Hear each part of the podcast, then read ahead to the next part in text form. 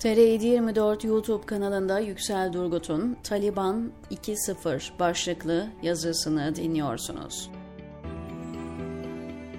Taliban'ın 2021 baharındaki hızlı ilerleyişi 15 Ağustos'ta Kabil'i ele geçirmesiyle sonuçlandı. Taliban'ın dönüşüne çanak tutan batılı ülkelerin geri çekilme kaosu, Afganistan'a liberal demokratik bir sistem dayatmaya yönelik ABD öncülüğündeki 20 yıllık başarısız girişimlerin sonucu oldu. 1980'lerin sonunda Sovyetlerin Afganistan'dan çekilmesiyle Sünni İslamcı Peştun Taliban ülkenin kontrolünü 1996'dan 2001'e kadar ele geçirmişti. ABD'nin 2021 yılında ülkeden çekilmesiyle de grubun geri dönüşünün önü yeniden açıldı.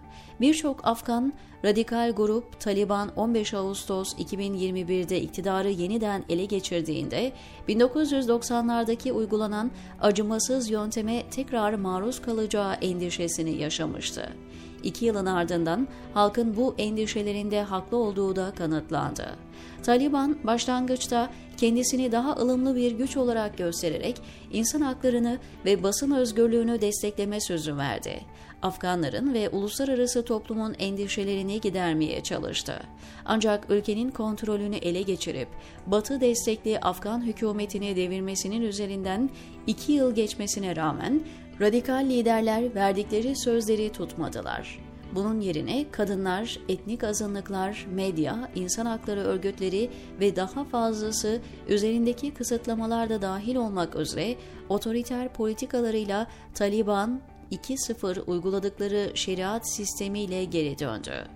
Taliban şimdilerde iç gerilimler, ekonomik kriz, komşularla sorunlar ve küresel tanınırlık konularında mücadele veriyor. Taliban'ın teokratik hükümeti, insanların dış görünüşü, hareket özgürlüğü, çalışma veya eğitim hakkı ve eğlenceye erişim dahil olmak üzere Afganistan'da yaşamın her alanına kısıtlamalar getirdi. Dünya kamuoyunda en çok konuşulan örnek, Ahlak ve Fazilet Bakanlığı'nın yeniden kurulması oldu. Bu bakanlık, halka dayak ve hapis yoluyla uyguladığı acımasızca kararnameleriyle biliniyor. Taliban bugüne kadar İslami şeriat yasasının aşırı ve aşiretçi yorumuna uygun olarak yüzden fazla ferman ve emir yayınladı. Ahlak polisi suçluları genellikle şiddet kullanarak alenen cezalandırıyor. Taliban'ın ahlak yasalarını ihlal etmekten hüküm giyen erkek ve kadınlar hapse atılıyor ve halka açık alanlarda ibret olsun diye kırbaçlanıyor. 1990'ların ortalarındaki Taliban'da olduğu gibi söylemler ve politikaları örtüşmüyor. Taliban sözcüsü Zabihullah Mücahit göreve geldiklerinin ilk gününde düzenlediği basın toplantısında şunları söylemişti. Kız kardeşlerimiz, erkeklerimiz aynı haklara sahip bizimle omuz omuza çalışacaklar. Bu açıklama kısa sürede rafa kaldırıldı. Taliban'ın en dikkat çekici ve tartışmalı kararlarından birisi Afgan kız çocuklarının ve kadınların kamusal yaşamın çeşitli alanlarından dışlanması oldu. Kadınlara yönelik kısıtlamalar, Kadın İşleri Bakanlığı'nın feshedilmesi ve ardından kadınların ve kız çocuklarının yüksek öğrenim almasını yasaklamasıyla devam etti. Bu geniş çaplı bir uluslararası tepkiye yol açmasına rağmen geri adım atılmadı. Şimdi sadece kızların 6. sınıfa kadar okumalarına izin veriliyor. Kızların eğitim hakkının yasaklanmasıyla uluslararası toplum tarafından yapılan baskılar, Taliban'ın uluslararası tanınırlık kazanma ve dış yardıma erişim konusunda zorluklarla karşılaşmasına neden oldu. Afganistan'da zorla evlendirmeyi yasaklayan kararname 2021'in son ayında çıkarıldı ancak Birleşmiş Milletler raporuna göre ülkede çocuk evlilikleri ve cinsiyet ayrımcılığı arttı. Kısa süre önce de kuaför ve güzellik salonları kapatıldı. Afganistan'da anayasa ve ceza kanunları rafa kaldırıldı. Adalet sistemi yeniden elden geçirildi. Yerel Taliban liderleri kendi fermanlarını ve yasaklarını uygulamaya koydular. Uçurtma uçurmak, güvercin yarıştırmak ve düğün salonlarında müzik çalmak İslam hukukuna aykırı olduğu gerekçesiyle yasaklandı. Taliban iki yılın ardından İran, Türkiye, Pakistan, Rusya ve Çin gibi dünyanın dört bir yanındaki 14 diplomatik temsilciliğe kendi elçilerini yerleştirdi. İlk iktidara geldiği 1990'ların ortalarında sadece Pakistan, Suudi Arabistan ve Birleşik Arap Emirlikleri Taliban'ı Afganistan'ın meşru hükümeti olarak resmen tanımıştı.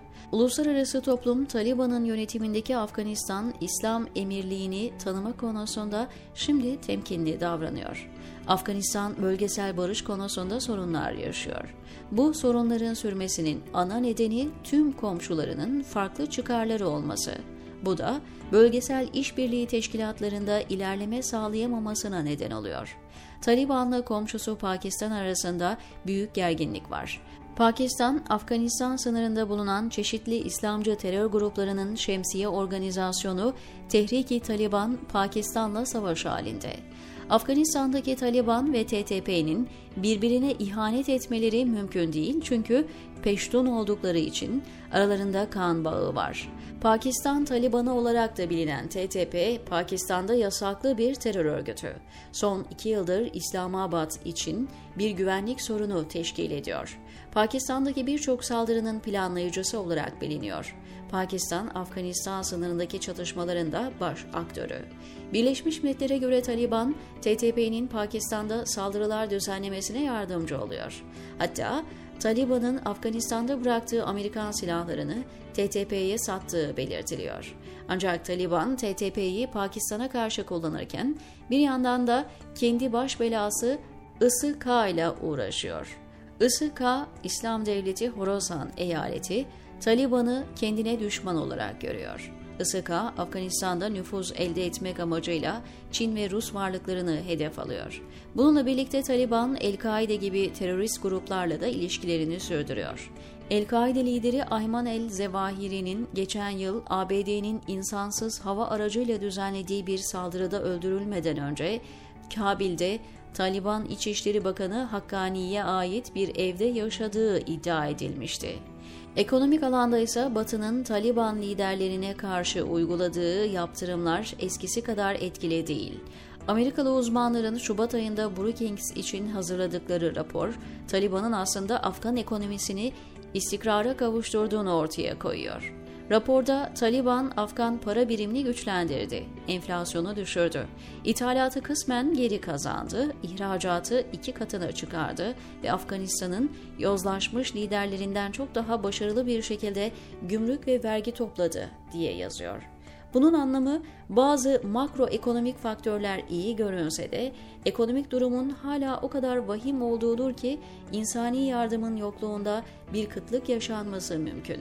Dünya Gıda Programı verilerine göre 2023 yılında Afgan nüfusunun yarısına yakını 15,3 milyonu yeterli gıda tüketemiyor.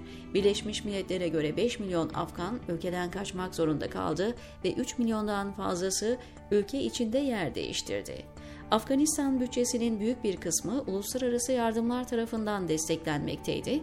Ancak Taliban'ın yönetimi ele geçirmesiyle birlikte yardımlar askıya alındı ve bu da mali krize yol açtı. Taliban'ın içinde biri başkent Kabil'de, diğeri Kandahar'da olmak üzere iki grup var. Kandahar'daki grup çoğunlukla Taliban lideri Hibatullah Akunzada'ya yakın sadık din adamlarından oluşuyor. Dini açıdan daha muhafazakar olan bu grup uluslararası toplumla ilişki kurmaya pek istekli görünmüyor. Ancak Kabil merkezli grup daha modern ve uluslararası iletişim için çaba gösteriyor. Taliban'ın ABD ve müttefiklerine karşı 20 yıl süren savaşın ardından Afganistan'da yeniden iktidara gelmesinden bu yana geçen 2 yılda başta kadınlar olmak üzere milyonlarca Afgan için hayat dramatik bir şekilde değişti. Ülkeyi Taliban'ın 2.0 versiyonundan kurtarabilmek için dış ülkelerin herhangi müdahale şansı artık yok.